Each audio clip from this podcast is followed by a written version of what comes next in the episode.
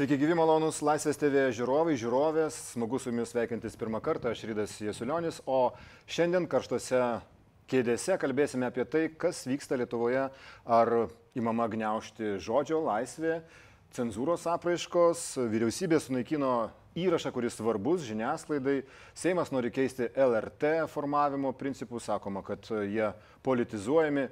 Lietuvos valstiečių žaliųjų sąjungos pirmininkas Ramūnas Karbauskis Seime kalba apie interneto žiniasklaidos reguliavimą. Ar valstiečiai imasi cenzūros?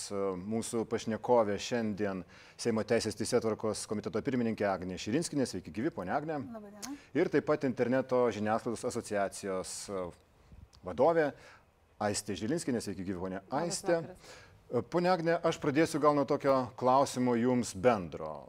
Turbūt kiek paskaitai dabar komentarų, apžvalgininkų visi mini, kad susidaro įspūdis, jog tendencija, valdžios tendencija yra iškirsti žiniasklaidą, prispausti ją, kažkaip pasiaurinti žodžio laisvės ribas. Ar jūs priimate tą tokį įspūdį, tą susidariusią tokią priešpriešą, ar norėtumėte ją pakeisti? Na, iš tiesų, ta priešprieša labai yra keistai sugeneruota, tikrai nematau tokios tendencijos, kuris sakytų, kad mes bandome kažką riboti, tarkime, šiandien mes kaip komitetai buvome informuoti, kad mūsų posėdžių transliacijos tampa viešos ir, ir tie testavimai yra padaryti. Netgi dar daugiau mūsų klausimai, tai yra darbiniai susitikimai, jie tampa vėlgi YouTube naudotojams visiems vieši, tai bus matoma ne tik kaip svarstoma komitete, bet matoma ir tai, kaip vyksta tie darbiniai pasitarimai dėl teisės aktų rengimo.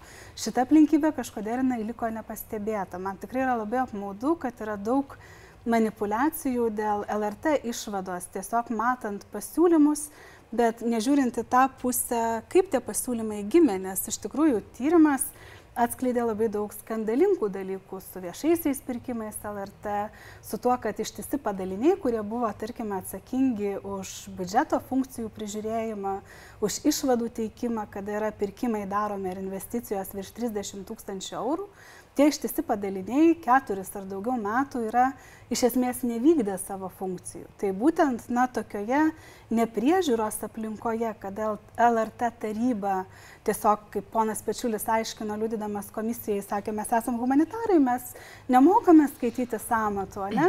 LRT taryba iš vienos pusės jinai, na, nevykdė priežiūros, generalinis direktorius nereikalavo išvadų, kitas padalinys nieko neveikė, ne išvadas, kurias turėjo teikti dėl biudžeto panaudojimo, keturis metus neteikė. Bet kai... niekas negalėjo pasakyti, kad LRT veikla kaip nors politizuota, o dabar tarybos formavimo principas keičiamas, ar nesiūlymas yra pakeisti jį, kad išnyktų tas persidengiančių, prasilenkiančių kadencijų. Principas, kai politikai negali paskirti į tarybą žmogaus, kol jie eina pareigas. Aš tiesiog, mes kaip komisija turėjome duomenis apie LRT tarybą, kurių iš tikrųjų neskelbėme, tiesiog suprasdami, kad na, konstitucija neleidžia riboti politinių partijų priklausomybės ir kartu na, priklausomybės taryboms, valdyboms ir taip toliau. Toks apribojimas, ta prasme, yra teisėta, kad partiniai žmonės būtų tarybose, tarkime. Ir pagal tai, ką mes turėjome tą vidinę informaciją ir iš registrų centro, ir iš specialiųjų tyrimų tarnybos, mes matėme ir žinome, kad ir dabar taryboje yra iš esmės politikų, dar daugiau skiriant tuos žmonės į tarybą. Jie tuo metu buvo kai kurių dabar jau opozicinių partijų tarybų nariai, ne politinių valdymo organų nariai buvo paskirti LRT tarybą. Ir mes sakome, kad dabartinė taryba ne, nepolitizuota. Kitas Bet narys. Blogas dirba... principas, kai Seimas, tarkim, skiria uh, E, tuos tarybos narius, e, baigdamas savo kadenciją. Ir tada negali pasiskirti savo palankaus, e, būdamas valdžioje tarybos narė. Aš papasakosiu, kai buvo daromas tos besislenkančios konstitucinio teismo, Lietuvos banko valdybos kadencijos, vertybinių popierių, vėlgi ten įvairių komisijų kadencijos, kada buvo kaip tik sakoma, jeigu politikai, nes konstitucinį teismą taip pat formuoja politikai, to nenuginčysime, tada buvo sakoma, kad jeigu politikai po vieną narį palaipsniui labai aiškiais intervalais integruoja naujus narius konstitucinį teismą. Mes kaip tik išvengėme hiperpolitizavimo.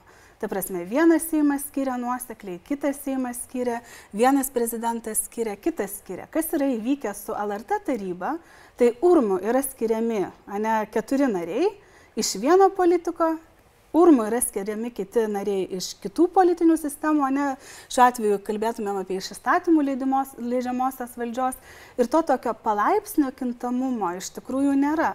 Vėlgi geri vadybos principai, jie sako, kad jeigu mes tokius kolegialius organus keičiame, juos reikia keisti palaipsniui, nes tada žmonės naujai atėję įgyja naujus darbo įgūdžius, o ne iš šalies. Ta prasme, ta institucija netgi nuosekliau veikia, jeigu nėra palaipsniškai keičiama. Tai šiuo atveju, kai daromas konstitucinis teismas, sakome, kad na, tas nuoseklus skirimas yra gerai ir depolitizuoja konstitucinį teismą, bet kada mes kalbame apie LRT, kažkodėl atsiranda toks stebuklingas argumentas, kad dabar LRT bus taip stebuklingai supolitizuota. Nes taip aš sakau, ir jinai dabar yra politizuota. Ten yra politikai, kurie iš esmės dirba priklausantis politinėms partijoms. Vienas iš LRT tarybos narių labai ilgai leido socialdemokratų laikraštį, aš nežinau, ar jisai dabar dar ten yra redaktorius. Tai, tai šiuo atveju, nu, tas nuogastavimas, aš nematau, iš kur jisai atsirastų. Kitas dalykas, mes LRT tarybos naują formavimą kalbame, kad jisai prasidės, kai pasibaigs esamos tarybos kadencija. Tiek, kad čia aš gal. Tai kiek metų? 22 metais. kadencijos, nes ten tai taip, metam. Labai normalu. Šešiem, tai kai tai... baigsis prezidentės kadencija, mhm. prezidentės deleguojami žmonės bus skiriami kita tvarka, kai Seimo kadencija bus, bus skiriama vėl tvarka.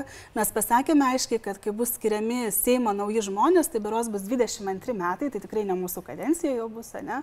Bus kažkoks kitas Seimas, turės būti skiriama vienas iš opozicijos, vienas iš pozicijos, ne? kad vėl išlaikytumėm tą Seime esančių jėgų pusiausvyrą.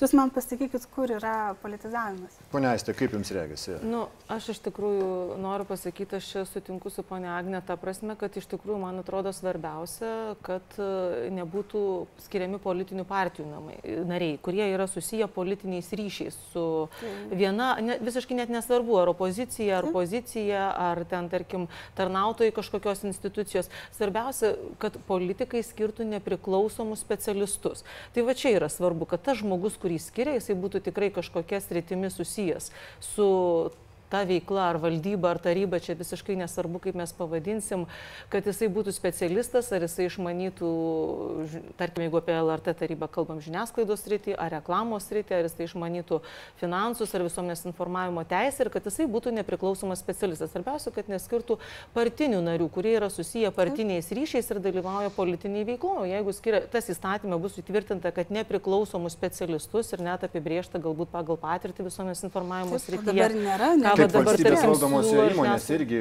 turėtų būti daugiau valdybose nepriklausomų narių, bet girdime, kad tie nepriklausomi nariai kartais skiriami. O ypač jeigu pažiūrėtumėm Lietuvos geležinkelius. Tai pavyzdžiui, tiek... skirtas nepriklausomas narys Valstiečių žaliųjų sąjungos partijai priklausantis narys, o jūs minite Lietuvos geležinkelių nepriklausomus? Narius? Na, ten jeigu Valdy... pasižiūrėtumėte, aš tiesiog esu mačiusi schemas pagal partiškumą, kaip atrodo Lietuvos geležinkeliai, tai įspūdingai atrodo iš tikrųjų, bet ten jau yra kitos partijos paminėtos. Bet kas yra vėlgi svarbu jau žiūrinti konstitucinę teisę, tai konstitucinis teismas, kada buvo diskutuojama dėl savivaldybių, bero, tai yra atstovų vyriausybės apskrityse ir vienu metu buvo bandoma padaryti, kad jie nebūtų politinių partijų nariai, tai konstitucinis teismas pasakė, kad narystės apribojimai kažkokiose organizacijose taip, taip. gali būti tik nustatyti konstitucijoje. Tai kadangi nebuvo apskričių, atstovams apskrityse nustatyta konstitucijoje, buvo pasakyta, kad taip negalima daryti. Konstitucija nėra parašyta, kad valdybų nariai negali būti partiniai, tai yra partiniai asmenys. Tai vėlgi nu, mes susidūrėme šiuo atveju su konstitucingumo klausimu.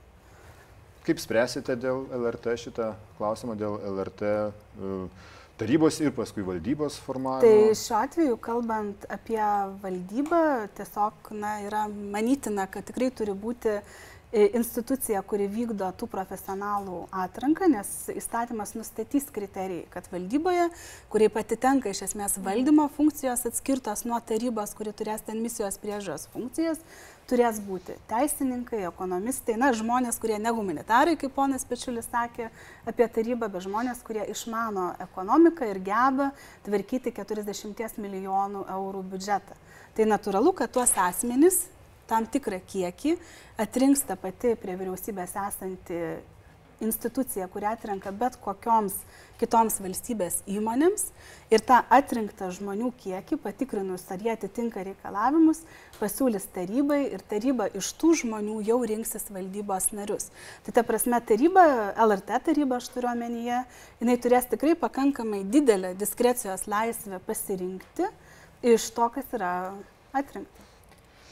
Partiniai žmonės taip pat galės būti, ar ne? Valdyboje, Bet partiniams tai... žmonėms yra neuždrausta ir dabar būti, ir taryboje LRT, bent jau kiek man teko matyti dokumentus Tai tokių žmonių yra. Nu, bet vis tiek tikriausiai sutinkat, ponia Agne, kad aktyvūs politiniai veikėjai Suprantu, ar, akty, ar partijų nesvarbu visiškai. Tas dalykas, kur socialdemokratų redaktorius sėdė LRT taryboje, tai yra tikrai nesusipratimas. Lygiai kaip mano manimu nesusipratimas su dabartinė sudėtimi yra, kada žmogus turintis akcijas portalų, ne, vėlgi dirba LRT taryboje. O kai tai... su valstiečiais, valstiečiais tai susiję, kai Jonavos grūdų nepriklausomas valdybos narys yra partijos Bet narys. Bet tai nėra aktyvus narys ir aš tiesą sakant, to žmogaus visiškai nežinau. Kitas dalykas, ar skiriant yra teisėta klausti partiškumo, ne, tai aš tikrųjų, vėlgi dėl asmens duomenų apsaugos dėčiau labai didelį klaustuką. Ne, čia man atrodo yra tam tikri etikos dalykai, tai partiškumas mes nei vienam žmogui, čia iš tikrųjų yra konstitucijoje nurodyta, kiekvienas žmogus turi teisę priklausyti partijai ir tai nėra tame nieko. Ir būti nepriklausomas valdybos tarybos Bet, narys. E, tai man atrodo, pats priklausimas kažkokiai politiniai sroviai, jisai dar tikrai nieko nesako. Čia mes kalbam apie žmogų, kuris yra aktyvus jau politikoje pačioje, ar jisai yra tarybos narys valdybės, ar jisai yra Seimo narys, ar jisai partijoje užima kažkokią, kažkokią yra išdininkas, ar užima kažkokią poziciją, ar tas žmogus yra pasyvus, tiesiog nu, jis turi pažiūras, taip, tai mes dėl pažiūrų negalim žmogus eliminuoti, bet mes negalim jau tam, kas yra jau užsiema politinė veikla, taip, kažkokiu tai lygmeniu. Tai čia tikrai, man atrodo, svarbu, kad įstatymė tas kažkokius ribojimus numatyti ir tikrai dar ką noriu pasakyti į tą dalį, kad aš vis tiek kažkaip noriu tikėti, kad nu, dabar čia yra tik tai siūlymai tos komisijos. Ir aš tikrai svarbiausia, kad tas dalykas būtų išdiskutuotas su prieš priimant galutinius sprendimus, nu vis tiek išgirsti būtų ir sektoriaus. Uh, argumentai ir sektoriaus lūkesčiai ir būtų kažkokie tai klausimai, nu, svarbiausia, kad būtų ta diskusija ir rastas tas uh, protingas sprendimas. Viena diskusija išnyko kažkur, tai e, įrašas tos diskusijos jau yra ištrintas ir kaip šiandien gavom dar patikinimą iš vyriausybės kanceliarijos, jis nebus, nebus bandoma jo atkurti. Pone Širinskis, paminėjote, kad Seimas atveria savo komitetų posėdžius, filmuoti jie bus pradėti ar ne, jau pradėti. Ir klausimai tiesiogiai galima bus jų stebėti juos internete, o vyriausybė štai visokiais prisidengdama aktais, teisės aktais ne tik e, neviešina paprašė žurnalistams, bet ir naikina tuos įrašus. Kaip vertinate? Kiek suprantu, tai vyriausybė pagal tą tvarką, kuri yra dabar, dirbo jau kokios keturios ar penkios vyriausybės. Ir anksčiau tiesiog tokio klausimo nekildavo, ne, ir žurnalistų tokio susidomėjimo nebuvo. Tai jeigu vyriausybė matys, ir manau, kad šiuo atveju tikrai yra matoma, kad yra susidomėjimas, tai greičiausiai jinai tas savo tvarkas, pagal kurias gyveno, jinai peržiūrės. Lygiai tas pats įvyko ir su Seimu, na, kol žurnalistams nebuvo užklausimo, ne? nes paprastai normaliai žurnalistai ateidavo į komitetų posėdžius, jie ten filmuodavosi ir darydavo, ką norėdavo. Dabar aš suprantu, kad kai kurie na jūsų kolegos nori gyventi, jie, ta prasme, jie laisvai galėjo būti. Aš suprantu, kad kai kurie kolegos negali visur apeiti, nori kai kurie gyventi patogiau ir tiesiog turėti, na, įrašą kurį galėtų išsikirpti ir susitvarkyti, atsirado tiesiog į Seimą prašymą. Ir kaimo reikalų komitetą, ir pas mus buvo prašoma, ir sveikatos reikalų komitete, kai dirbau, buvo prašoma. Tai natūralu, kai gauni prašymus, nepradedi galvoti, kad nu vienas kitas, galbūt tada padarykime taip, kad na, nereikėtų atsakinėti tuos paklausimus ir dėkime į eterį YouTube visų bendrą nuosavybę, neiskaitant tų, kurie ten studentai gal norės pasiklausyti, kaip jam įdomus ten dalykas ten yra svarstomas Seime ir baigiant žurnalistu, kuris bet kada galės patogiai pasiimti. Tai čia tiesiog na, atsiranda tam tikras iššūkis, atsiranda poreikis, yra atitinkamas sprendimas. Pone Aistė, jūs buvote tame vyriausybės pasitarime, kuris dabar tapo spekulacijų objektu, nes mes nežinome, kas ten tokio buvo pasakyta, kodėl buvo sustabdyta ministrų susiskimo ministro Roko Masiulio iniciatyva žiniasklaidai atverti registrų centro duomenis. Kas ten tokio įvyko? Nu, Aš jau daug, daug kur sakiau, kad iš tikrųjų premjeras kėlė klausimą, kodėl žiniasklaidai reikėtų sudaryti išimtinės sąlygas, nes žiniasklaida taip pat yra verslas, kodėl šios profesijos atstovom reikėtų sudaryti išskirtinės sąlygas gauti registrų centro duomenis.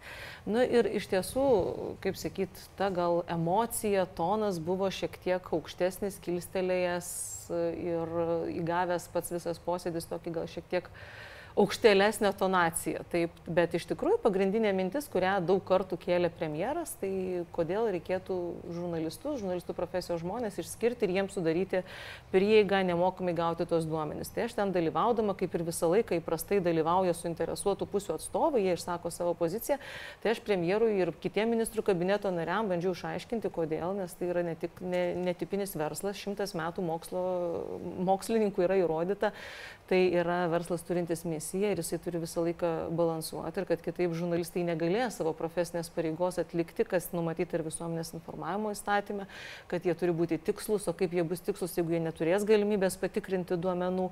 Ir kad šiuo atveju, ta prasme, reikia ieškoti protingo sprendimo, nes nu, tie duomenys tikrai negali žurnalistai klausti nei dėl savo asmeninių reikalų, nei dėl savo giminių, nei dėl privačių asmenų, tiesiog. Jie tik tai, kas susijęs su viešais asmenimis, viešais finansais, viešais, viešom įstaigom ir panašiais dalykais.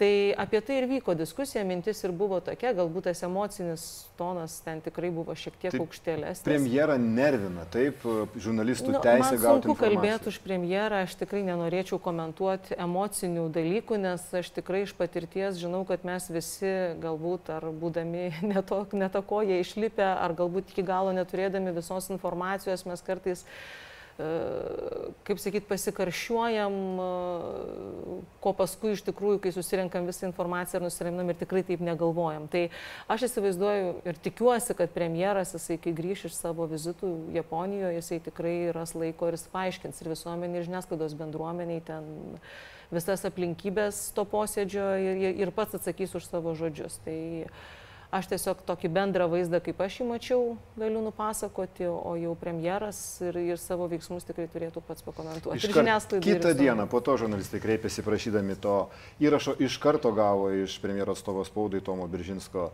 tokį atsakymą, ne duosime. Ir dar kitą dieną, sakoma, šitas e, įrašas buvo sunaikintas, dabar pasirodė tokia jau vėl versija, kad tai automatiškai įvyko. Jūs suprantat, kodėl e, būtų norėjęs premjeras tą įrašą slėpti?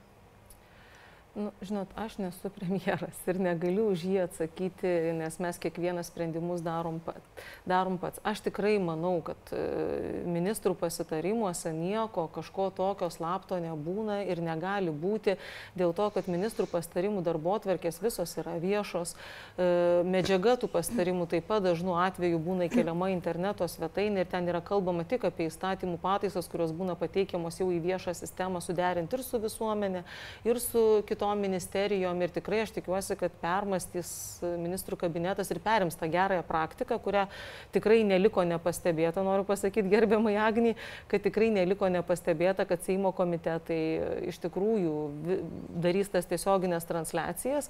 Ir tai yra labai geras pavyzdys ir aš tikiuosi, kad ir vyriausybės kabinetas permastys ir įsives tą pačią praktiką, kad ministrų pasitarimai, kurie vyksta iš karto po vyriausybės posėdžių ir kur aptariami pagal viešą darbo tvarkę, nu iš tikrųjų tik įstatymų projektai, kad nu ten tikrai neturėtų vykti kažkokių slaptų dalykų. Nu, ir čia yra didelė pamoka, man atrodo, mums visiems, kad argumentai už uždarų durų ir argumentai prie atvirų durų, jie turi sutapti. Taip, nu iš tikrųjų įstatymų projektai turi būti priiminėjami tik tai dėl tokių argumentų arba nepriiminėjami, kuriuos mes visi galim iškomunikuoti viešai ir, ir įtakos Jeigu ten kažkokie, slepi, vadinasi... kažkokie subjektyvus, nusitikit, ponia Agne, argumentai tikrai neturėtų turėti. Pone Agne, jums irgi tenka būti prožektorių šviesoje, jūs esate įtakingas Seimo narė ir spauda turi jums dėmesio daug skiria ir įvairių būna publikacijų ir, ir kartais kokiu nors uh, šmaikščių publikacijų, jums suima koks nors nervas, noras pakovoti su žiniasklaida. Ne. Ir jūs visada turite savo tą tokį jau išlaikytą tikrai savo charakterį. tiesiog man labai apmaudu, kaip čia mes su Lietuvos rytų turėjome paskutinį tokį incidentą, kada žurnalistai pradeda verštis pas e, senjorą mamą į namus ir ten bandyti fotografuoti, tai aš tikrai, na, nesuprantu tokio elgesio, kada pradedami persekioti giminaičiai, aš jau nesakau šeimos nariai ir lendama ten, kur nuosavybė jiems priklauso, tikrai ne man. Tai, bet tai, kas yra susijęs su mano viešu gyvenimu, aš tikrai jokių problemų nematau dėl domėjimas, sėkmės. Tai kaip vertinate Sauliaus skvernelio štai šitą poelgį. Na, man teko iš tikrųjų kalbėti šito klausimu ir su ankstesnių vyriausybių nariais ir, ir vadovais. Ir, na, jie sako, kad tokia praktika iš tiesų visą laiką buvo ankstesnėse vyriausybėse. Tai kaip jau minėjau, kad jeigu buvo taip, ir mes turime tą reguliavimą ir dabartiniai iššūkiai sako, kad na, reiktų peržiūrėti tvarkas, tai manau lygiai taip pat, kad tos tvarkos bus peržiūrėtos. Seimas tas tvarkas sugebėjo peržiūrėti ir labai greitai. Praktika, kad žurnalistai kreiptųsi prašydami to pasitarimo įrašo ir po to jis būtų sunaikintas. Aš net nežinau tokios. Bet ar kreipėsi, kada pasitarimo įrašo? Aš iš tikrųjų, na, politikos gyvenimą sekiau, ne, ne tik šią kadenciją ir anksčiau, bet aš niekada negirdėjau, kad būtų kreiptasi dėl pasitarimų įrašų ir būtų kilęs kažkas arba jie viešinti kaip tokie.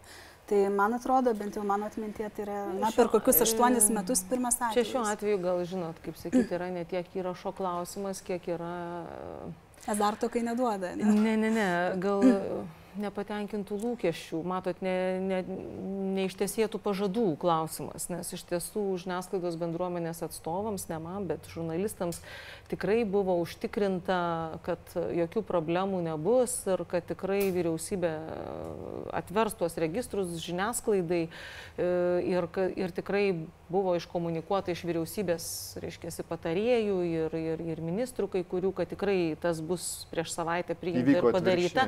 Ir įvyko vyko atvirkščiai. Ir tada visi norėjo išgirsti tuos argumentus, kodėl, jeigu, kaip sakyt, reiškia, jau tikrai tuose susitikimuose su žiniasklaidos atstovais buvo pažadėta kitaip. O kadangi tai vyko ne posėdėje, o pasitarime, mm. tada visi pradėjo klausti tų argumentų. Tai vėlgi aš ir pati komunikavau, kad negalima žadėti iš tikrųjų tokių dalykų iki galo neišsiaiškinus visos situacijos ir, ir ir kaip sakyt, čia jau nebe formos, o turinio klausimas iš tiesų yra. Bet, bet šiuo atveju, aš kiek suprantu, ten buvo ir teisininkų pastabos, aš tikrai ne, nesigilinau tuos konkrečius projektus. Ir tikrai kartais būna, kad tos pastatos, pastabos ateina paskutinę minutę. Sutinku. Aš dabar vat, irgi išvažiuodama tiesiog pamačiau, kad dėl rydienos darbo atvirkės teisės departamentas yra perregistravęs pastabų. Na viskas, juos tuos klausimus reikės išiminėti. Tai tikrai aš, tokių dalykų. Aš, pasitaiko. aš visiškai tikrai sutinku, nes e, ir man, jeigu reikėtų persakyti dabar Teisės departamento vyriausybės pastabas, aš jų negalėčiau, nes jie patys jas teikė žodžiu, net raštu neturėjo pasirašę, nes ar fiziškai nespėjo. Taip. Tai tiesiog čia, nu kaip, aš labai tikrai nuoširdžiai tikiuosi, kad čia ir vyriau, nu, mes visi iš tos situacijos kažko išmoksim ir vyriausybė irgi pasimokys, kad nu, reikia pirmai įsivertinti visą juridiką ir teisės procesą. Ir neskubėti skubėti žadėti, kai nežinai dar to įgyvendinimo plano. Tai čia greičiau ne tiek formos, ne dėl formos pasitarimo įvyko, bet dėl, dėl, dėl reiškiasi, va to tokio lūkesčių, lūkesčių netitikimo. Šiuo pat metu Šiomis dienomis, savaitėmis Teisingumo ministerija irgi naują įstatymo projektą, kaip suprantu, pradėjo derinti, e, kuris e, priverstų ištrinti duomenis apie žmonių kandidatavimą rinkimuose, apie jų tas anketas, kurias jie pateikia kandidatuodami. Tai irgi susiaurintų žiniasklaidos laisvę nustatyti uh, žmonių politinės uh, biografijas, jų priklausimą, jų galbūt palankumą kokiam nors politinėms partijoms. Kaip Jūs vertinat, kodėl to Na, reikia? Iš tikrųjų, paskata tam buvo naujasis reglamentas asmens duomenų apsaugos, kuris tikrai sugriežtina netgi ir prieš tai buvusią pakankamai griežtą tvarką ES. Reglamentas yra visuotinai ES taikomas. Na ir būtų toks retorinis klausimas, tarkime, kandidatas kokių 2000 metų rinkimuose nurodo savo žmonos vardą, vaikų vardus ir pavardės. Ar 2018 metais tų vaikų vardai ir pavardės, arba nukų vardai ir pavardės yra jau toks visuotinai žinomas dalykas Bet apie kandidatą. savo norų 2000-ųjų. nurodė tai, tos duomenys. Bet tai yra tų asmenų, asmens duomenys, kurie yra viešinami. Tai aš tiesiog manau, poneistė daugiau žino, kaip jie VRK diskutuoja, nes jūs ten tą diskusiją turite. Bet jeigu tas žmogus iš 2000 metų kandidatų buvo net neišrinktas, šiuo metu, tarkime, aktyviai politikoje ne, nedalyvauja arba galbūt netgi miręs yra, tai kodėl tada jo, asmens, vaik, jo vaikų asmens duomenys Jis turi pats būti juos viešai pateikė. Bet vaikai nesutiko, gal jie tuo metu buvo pusės metų amžiaus. Ar čia vaikų teisų apsauga, kas čia, ponė Žilinskinė? Nu, man sunku pasakyti, aš tai, matot, tikrai nematau problemos tame, kad tie visi duomenys būtų atveriami, nes nu, vis dėlto jau yra 30 metų praėjo po nepriklausomybės. Ir aš suprantu, kai dar buvo 96-ieji, 94-ieji, kada mes visi po geležinės uždangos dar nežinojom, kaip elgtis ir politikoje, ir kas tas privatus verslas yra, ir privati nuosavybė, ir koks šitas santykis yra, kas ta vieša erdvė, kas privati. Tai aš suprantu tuos laikotarpius, bet dabar jau yra praėję 30 metų. Ir vis dėlto žmogus, kuris eina į politiką, jisai turi suprasti labai gerai tą dalyką, kad jis pasiryšta būti absoliučiai viešas. Ir tarkim, Amerikoje tai netgi einama su visa šeima. Taip, iš karto tu su visa šeima, su visa savo aplinka sutari, kad tu pasiryšti eiti tvarkyti viešų reikalų, tarnauti visuomenį ir tu supranti tą iššūkį, kokį tu prisėmi. Tai man atrodo, kad šiai dienai visi politikai, visi žmonės, kurie tam apsisprendžia, jie apsisprendžia, kad jie su visa savo šeima eina tvarkyti viešų reikalų, dėl to visuomenė turi teisę žinoti, kas bus tas žmogus, ko- koks jo požiūris į šeimą, koks jo asmeninis gyvenimas, e, kam jis yra, pas, nu, kad juo galėtų pasitikėti, koks žmogus tvarkys mano viešus reikalus tuo metu, kai aš dirbsiu, uždirbsiu ir mokėsiu mokesčius, iš kurių jam mokamas atlyginimas. Tai aš asmeniškai tikrai nematau čia kažkokios problemos, nes jau lab, kad ir į praeitį, nu, ar mes esam turėję kažkokių skundų, aš Bet aš kalbu apie bendrą mintį ES ne- asmens duomenų neatsimenu. reguliavimo ir tos europinės teisės būti pamirštų, ne, kas yra universali teisė. Aš tarkim ten su tam, žiūrint- su tam tikrom išlygom, tarkim nepilnamečiais vaikais. Tai aš ten, apie ką ir kalbu, aš nekalbu apie kalbam- politikus pačius, aš kalbu apie jų šeimų narius, tą patį mano pavyzdį, nepaimkime. Vaikas, kuris 2000 metais buvo nu, pusės metų amžiaus, jisai ten fiksuotas kaip koks nors Jonukas X, tam tikro kandidato į savivaldybių tarybas e, vaikas. Ne? Tai ar tai yra tikrai tas asmens, asmens duomuo apie kandidatą, kuris yra taip reikšmingas? Bet ar tikrai bus taip e, atskiriami tie duomenys? Ar nebus taip, kad mes saugodami vaikus panaikinsime visą tą informaciją apie jo Žinot, čia galbūt e, ta diskusija jinai dar nėra iki galo taip, pasibaigusi, kiek aš žinau, tas klausimas iki galo tikrai nėra dar išdiskutuotas. Tai, e, žinot, kaip ir teismų sprendimai, kai skelbiami viešai yra nuosmenim, kad vardų pavardžių nebūtų, bet tai, kad kandidatas ten buvo vedęs ir turėjo du vaikus, Tai tai, tas atrodo, yra normali normalu, informacija. turėti vaiką X. Tai čia ko gero gal yra daug paprasčiau sprendžiamas tai čia yra nuosmeninintas tiesiog- klausimas, bet čia daugiau kodėl yra svarbu, kad vis dėlto jeigu žmogus, kuris kažkada kandidatavo su tam tikra politinė partija, nu kad ir po dešimt metų, jis vėl nori užimti kažkokį aukštą postą, Mes tarkim, mes žinoti turim Aš politinę žinoti nesiginčiu praeitį, dėl taip? šito dalyko, aš Tai- kalbu tai apie tikrai tie kandidatų artimuosius. Bet čia dėl to nuosmeninimo, patenka- dėl nepilnamečių vaikų, dėl sveikatos galbūt kažkokių ypatumų, kur irgi ten turi skelbti, tai be abejo, dėl išnykusių teistumų, tai nebejotinai, kad nuosmeninimas galbūt ir turėtų būti ir čia visiškai teisinga pastaba.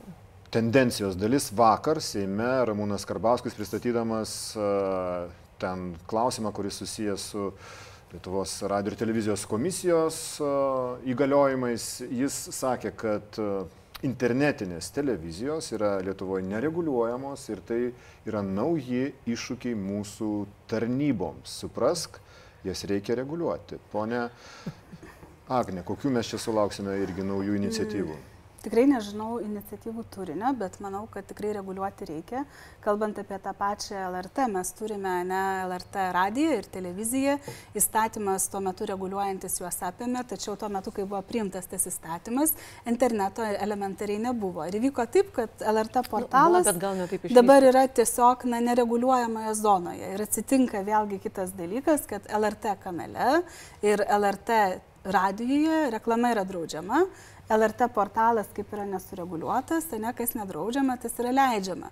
Tai tokių na, situacijų, kurios technologijom pasikeitus atsiranda naujas visuomeninis santykis, kurį reikia spręsti, tai natūralu yra, kad na, reiks kažkada priimti sprendimą, kaip yra su tai reklama dėl, dėl portale. Gerbim Agne, tai mes tikrai tik pasveikintume, nes mes manom, kad tai yra palikta spraga ir patys Taip. nesuprantam, kaip taip galėjo atsitikti, nes nu, vis dėlto, visuomenės transliuotojas tikrai gauna, sutikim, nemažus Taip. pinigus. 40 milijonų. Valstybės tai yra dviejų didžiausių komercinių televizijų biudžetai kartu Taip. sudėjus, vis dėlto tikrai lėšos yra nemažos. Taip. Ir dabar, reiškia, radijų draudžiama reklama, televizijų draudžiama, internete kažkodėl tai jie gali veikti komerciniam Taip. sąlygom. Tai sutikim. Ir iš esmės tai... gali tuos pačius videofilmus kelti, jau įdarbdami juos. Ir tada, reklamą, suprantate, jau tikrai draudžiama. lieka tokia, o kas galėtų paneigti, kad ten galbūt kažkokie ateis resursai, atidirbsim per portalą ir panašiai Taip. ir panašiai. Čia tikrai likę yra iš senų laikų ir mes, nežinau, jau kiek metų tą klausimą keliam, kodėl jis yra neužlopomas, tai šitas spraga tai taip turi būti sureguliuota. Bet, Bet čia ne, ne šitas, ką jūs turėjote minti, tikriausiai visai ne, ne apie tai. Apie internetinės televizijos, laisvės televiziją, e, kitus YouTuberius arba tie, kas Vimeo skelbė savo turinį internete apie tai.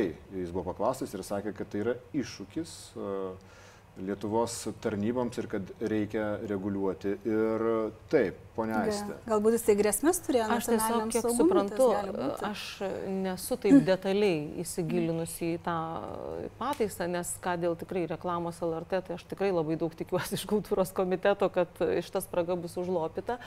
O dėl čia tai aš manau, kad turėjo iš tikrųjų tokį dalyką, kad programos net negali būti retransliuojamos neteisėtai. Taip, kai yra kažkas, kas kuria tą turinį, jį perka ir moka už retransliavimą, tai kad kažkas pasiema nemokamai retransliuoja, tai tokie dalykai turi būti užkardyti. Tai vat, e, čia...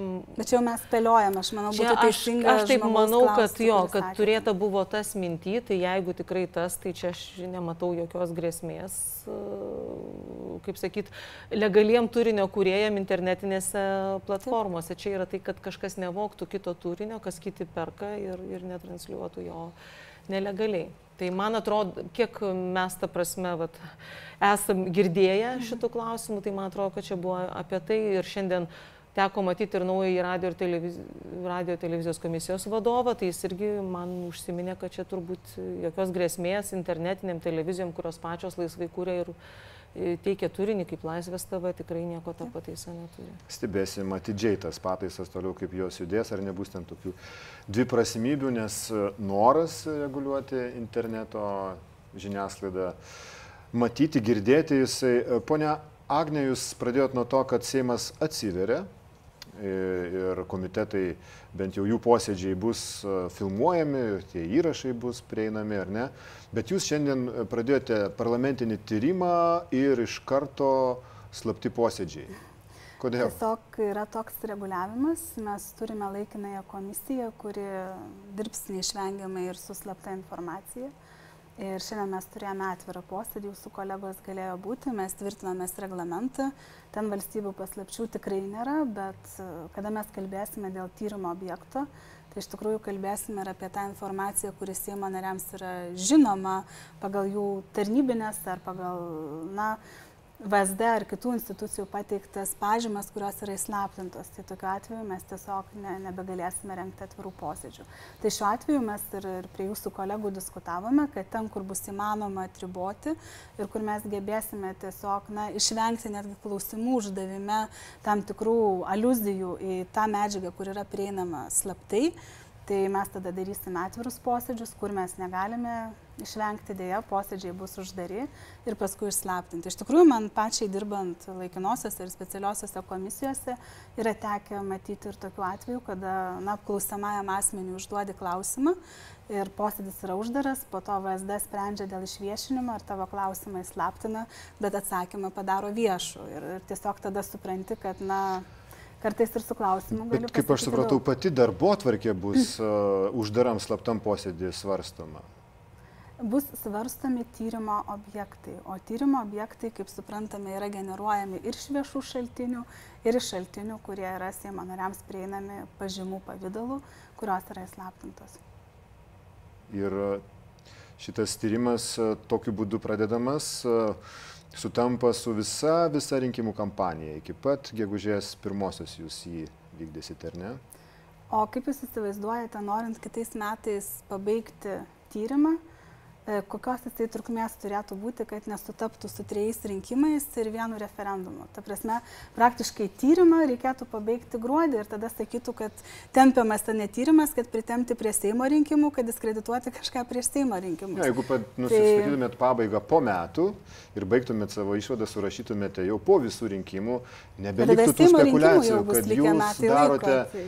uh, tyrimus, taip pat naudojatės slaptumo uždangą tam, kad galėtumėte veikti rinkimų kampaniją. Na, bet tai yra tiesiog insinuacijos, nes lygiai taip pat, jeigu mes darytumėm ar kitų metų gruodį, ar dar kitų metų sausį, tada sakys, o jau atėjo Seimo rinkimai, ne, mes jau čia pradedam ruoštis. Kitų metų rugsėjas būtų tai, idealus variantas. Čia lygiai taip pat galima sakyti, na, kad ta Majausko apkalta yra tarsi rinkimams, ne, nu taip įvyko, kad Seimo narys turi problemų ar turėjo problemų su nepilnametėmis, kilo Seimui klausimų, suregistravo ne ir, ir užsiveda ta procedūra apkaltos, kur vėl turi tiesiog, nu, pagal procedūrą jau praktiškai rytoj turi turėti posėdėje jo apkaltos pirmosius svarstymus. O kaip ta apkalta vyks, kaip jūs įsivaizduojate, kokie liudininkai bus apklausiami? Tikrai neįsivaizduoju, tą jau nuspręs apkaltos komisija. Tai yra tų žmonių, kurie bus paskirti į tą komisiją klausimas.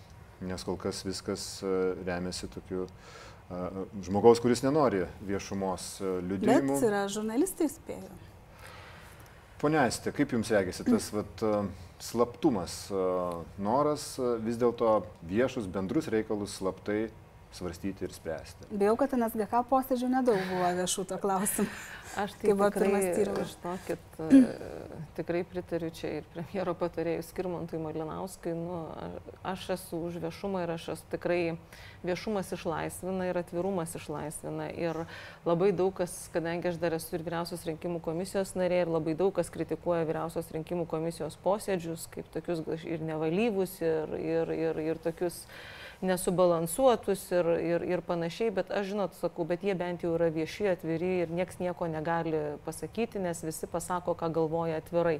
Ir už uždarų durų niekas kažkokių, reiškia, neiškių klausimų, emocijų ar kažkokių dalykų nelieja, o tai, ką galvoja, tai ir pasako ir mes turim pilną vaizdą ir iš jo galim spręsti. Taip, galbūt iki brandžios diskusijos mums dar reikia užaukti ir, ir, ir, ir kaip visuomeniai ir, ir, ir žmonės yra skirtingų įsilavinimų ir skirtingų, iš skirtingų platformų, bet at, aš visą laiką pasisakau už kiek įmanoma didesnį atvirumą ir aš už tai labai džiaugiuosi tikrai Seimo komitetų posėdžių viešumu, nes vis dėlto tai yra mūsų visų bendri reikalai ir argumentai turi sutapti ir viešoje erdvėje, ir ne viešoje erdvėje.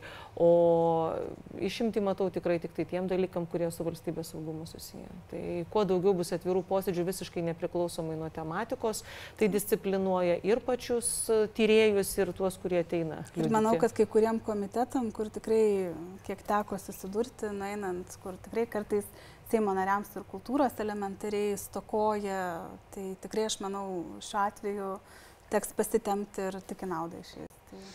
Taip pat toks argumentas apžvalgininkų yra pakartojimas šiomis dienomis, ką rodo visa ta tendencija. Galbūt jūs šiek tiek praskaidrinot tą vaizdą, jį išsklaidėte, ponia Agne, bet vis dėlto sakoma, kad dabartinė valdančioji dauguma ji yra tokio gana siaurokai, siauro demokratijos suvokimo, nes nepaisoma to, kad e, taip valdžia yra įgyta sažiningose, laisvose rinkimuose laimėti rinkimai, nedauguma, bet vis dėlto didelė frakcija sėmė, bet nepaisama to, kad e, paskui vis dėlto reikia gerbti, e, gerbti teisės ir opozicijos, ir žiniasklaidos teisės, ir laikytis tam tikrų taisyklių, kurios yra demokratijoje labai svarbios, kurios galbūt ne visos net ir išrašytos. O bet, kurių mes nesilaikome. Bet e, vis dėlto pagarba žodžio laisviai yra būtina, pagarba uh, tam, kad uh, tos laisvės, asmens laisvės būtų kuo daugiau, o ne draudimų kuo daugiau, Kaip Jūs priima tokius? Na, man tikrai būtų įdomu, kur mes nesilaikome demokratijos principų, ypač pastaruoju metu, kada opozicija gavo ir ko labai norėjo valdybos papildomą narį savo atstovą. Aš tikrai labai tikiuosi, kad opozicija savo lyderį kažkada galų gale kaip nors išsirinks bent jau. Bet čia irgi buvo niuansas. Opozicija tai... gavo, opozicinė liberalų sąjūdžio frakcija gavo ne tą vicepirmininką, kurį siūlė frakcijos bet seniūnas. Statutas sako, kad Seimo pirmininkas. Taip, bet čia rodo požiūrį. Natūralu, Būtent Seimo valdybos Seimo tai, pirmininko požiūrį į opoziciją. Jūs norit vieno, o mes jums pasiūlysim kitą paskirtį. Aš manau, kad kiekvienas žmogus savo pavaduotojų renkasi tai, ką jisai mato su juo galimybės, kur kas geresnės dirbti. Greičiausiai ir šiuo atveju tai buvo, bet čia reiktų Seimo pirmininką klausti, jūs su juo nuolat diskutuojate, man atrodo, ir tikrai galėsite paklausti. Jūs taip pat kartais vadinama Seimo viršininkė. Girdėjote tokių apibūdinimų? Nu, aš girdžiu, kad ponui Urpšiui kolega ponas Vaidentis pradeda. Nes, nesijaučiate tokia? Na, žinokite, tikrai tokia nesijaučiu. Man tikrai labai gaila, kad kolegai kartas nuo karto vaidenasi vienas ar kitas dalykas. Manyčiau, kad na, jisai turi pakankamai rūpešių su teisės sauga panevežyje, tai kai nori nutraukti uh, dėmesį nuo tų rūpešių, kuriuos turi, tiesiog pradedi kurti istorijas. Bet jis sako, kad kai išsiskiria judvi, pavyzdžiui, su Seimo pirmininku nuomonės, tai laimite jūs su savo pozicija. Dabar, pavyzdžiui, išsiskiria dėl partijų finansavimo, ar ne įstatymo ir tiksliau to finansavimo e, susijimo su gynybos finansavimu, skolinimuose tam reikalui ir Kaip dabar bus? Jūs nesimsit savo pataisos? Seimo pirmininkas sakė, kad, kad jam reikėtų atskirti šios du klausimus. Na, Seimo pirmininkas, man atrodo, jau pasiskaitė statutą, nes tikrai patarėjai matyti to nepadėjo padaryti. Suprato, kad po to, kai prieimimo stadijoje yra balsuojama už pataisą, o šiuo atveju už mano pataisą buvo balsuota ir buvo surinkti dėl biudžetinės pataisos reikia turėti 71 balsą, čia buvo 75 balsai tai net ir norėdamas geriausiu atveju jos atsijimti negali. Jinai jau yra integruota įstatymo tekste. Ir statutinė situacija yra tokia, kad liko paskutinis balsavimas dėl viso įstatymo projekto. Tai arba jam reikia pritarti, arba jam reikia nepritarti. Kas, na, įprastinė yra Seimo procedūra. Mes turėjome pavasario sesijoje tokių projektų, kur neužteko 71 balso ir mes turėjome pabaigti procedūrą tiesiog rugsėjo viduryje. Tai Seimas nuolat susiduria su tokiamis situacijomis, kai dėl vienu ar kitų priežasčių, na tiek opozicija, tiek kai kurie mūsų nariai apsisprendžia nedalyvauti. Tai laikysitės savo pozicijos, ar ne, kad šie du klausimai turi būti susijęti? E, šitie klausimai, jie statutiškai jau jų neįmanoma, kaip aš paaiškinau, atsijėti. Kitas dalykas, jie yra ta pati biudžeto eilutė. Tai aš neįsivaizduoju, kaip galima atsijėti, nes toje pačioje biudžeto eilutėje yra referendumo finansavimas, toje pačioje biudžeto eilutėje yra Seimo rinkimų finansavimas, toje pačioje eilutėje yra daugia bučių renovacijos programa, dar ten, man atrodo, kažkas su, su, su banku ar, ar kažkokių paslaugų bendrovių finansavimu. Tai yra viena Ir jūs įrašėte eilutė. ten vienos politinės jėgos finansavimą, pridėjote, kaip sakė, Ponas Sysas, jūs buvote užspeista socialdemokratų darbiečių, Bernatonio regis ir e, dar kažkas. Jo, ir jisai sakė, kad jie netgi mojavo kojomis, mojavo aš skaičiau. Rankomis ir kojomis, jie jums ir jūs tada tą pataisą įrašėte. Tai aš taip įsivaizduoju, kad pono Syso vaizduotė yra tikrai labai lakinės, įsivaizduoti Bernatonį mojuojantį kojomis kiek aš jį pažįstu du metus, tai man asmeniškai būtų labai sunku. O Kirkilas nemojavo? Kirkilą lygiai taip pat būtų sunku įsivaizduoti. Bet jie spaudė jūs, nu, jie norėjo šitos pataisos tikrai iš jūsų? Tikrai jokio spaudimo nebuvo, kada mes matome, kad yra keičiamas partijų finansavimo modelis. Ta pati opozicija iš vakaro diskutuojant dėl partijų finansavimo modelio klausė, o kur jūsų biudžeto pataisos, nes yra natūralu, jeigu atveri finansavimą, turi nuosekliai eiti biudžetinė pataisa. Tai kai atsirado biudžetinė pataisa, prasidėjo klyksmas veiksmas, kad neva yra NATO biudžetas. Bet tas NATO neva biudžetas yra lygiai toks pats kaip referendumo biudžetas, nes tai yra visiškai ta pati biudžeto eilutė. Tai, na, aš suprantu opozicijos norą kartais manipuliuoti, bet realybė yra tokia, kaip yra kito kelio finansuoti, jeigu yra priimamas sprendimas dėl politinių partijų finansavimo modelio keitimo. Nėra. Ne tik opozicija. Ir jūsų frakcijos nariai, Vytautas Bakas, irgi tokiais beveik neparlamentiniais žodžiais vadino šitą projektą, šitą socialdarbiečių būdą gauti savo kažkokiu, kažkokiu būdu manau, finansavimą. Kolegos ateina į posėdžių salę nelabai pasiskaitę projektų ir nelabai suvokdami Seimo statuto ypatumų, kaip yra keičiamas valstybės biudžetas ir kaip yra priiminėjamos jos eilutės. Aš labai tikiuosi, kad per tą laiką ponas Bakas ir, ir kiti kolegos tiesiog pasiskaitė statuto normas. Pone Agnė, jūs geriau išmanot statutą už Seimo pirmininką. Galbūt jums vieta tenai, Seimo pirmininko kėdėje. Na, aš tikrai manau, kad net taip reikėtų klausti. Tiesiog tikiuosi, kad visi kolegos, kurie eina balsuoti plenarinių posėdžių salę, žinos ir už ką balsuoja ir kokiom statuto normam jie remiantis balsuoja. Ponėse, ar įtikino jūs, kad valstiečiai negniaužia žodžio laisvės ir nestumia į kampą, nekovoja karo su žiniasklaida? Nu, žinot, Aš e, vis tiek e, noriu priminti Voltero žodžius, švietimo epokos tikrai genijaus, filosofo, publicisto, nuo kurio idėjų ir prasidėjo prancūzų revoliucija, dar 18 amžiui pasakytus, kad nesutinku su niekuo, ką tu sakai. Ir net manau, kad esi visiškai neteisus bet iki mirties kovosiu, kad tu turėtum galimybę tai pasakyti. Tai man yra labai svarbu, iš tikrųjų aš visų savo gyvenimu e, kovoju, kad būtų užtikrinta žodžio laisvė ir kad visi būtų išklausyti ir kad būtų gerbiama kita nuomonė. Iš tikrųjų gerbiama kita nuomonė, kad žmonės nesijaustų blogai, jeigu jie turi kitą nuomonę kad e, jie būtų išklausomi ir kad vyktų dialogas. Tai aš kažkaip labai to tikiuosi. Aš kultūros komitete, kuris uh, atsakingas yra už žiniasklaidos reguliavimą, tai tikrai neturėčiau jokių pastabų, nes dviejus metus beveik kiek man tenka lankytis, tai tikrai visada yra daromos ir darbo grupės, ir pasitarimai, ir, ir, ir, ir diskusijos, bet aš tikiuosi, kad ta geroji praktika jinai nu, persikels ir į vyriausybę, ir į visas kitas valdžios grandis, ir kad tai, ką mes turime dabar, tai yra tiesiog nesusipratimai dėl kitų priežasčių, bet ne dėl to, kad tai yra tendencija į blogą. Nes iš tikrųjų man pačiai teko kalbėti jau ir su tarptautinių organizacijų atstovais, ir Freedom House, ir Article 19. Ir aš labai nenorėčiau, kad Lietuvos žiniasklaidos laisvės indeksas nusmuktų, nes mus dabar gerbė net ir senosios demokratijos, kaip Prancūzija, kaip Britanija dėl žiniasklaidos laisvės, o jeigu mes nusirisim žemyn link Rusijos ir Baltarusijos, tai iš tikrųjų daugybės metų demokratijos įdirbis stipriai, stipriai nusirižemyn. Ir mes tikime, kad piliečiai, visuomenė jau yra tikrai subrendusi ir nesileis tiesiog nes, neleis, kad žodžio laisvė Lietuvoje, kuri buvo pagrindinė galbūt laisvės kovų variklis taip pat nuo XIX amžiaus, kad ji būtų mažinama, jos erdvė mažėtų Lietuvoje. Tikėkime, kad to net nebus bandoma daryti. Ačiū Jums už pokalbį. Tai buvo Seimo Teisės ir Teisėtvarkos komiteto pirmininkė Agnė Širinskinė ir interneto žiniasklaidos asociacijos vadovė Aistė Žilinskinė. Dėkui Jums malonus e, žiūrovai už dėmesį ir už tai, kad remiate Laisvės televiziją. Iki.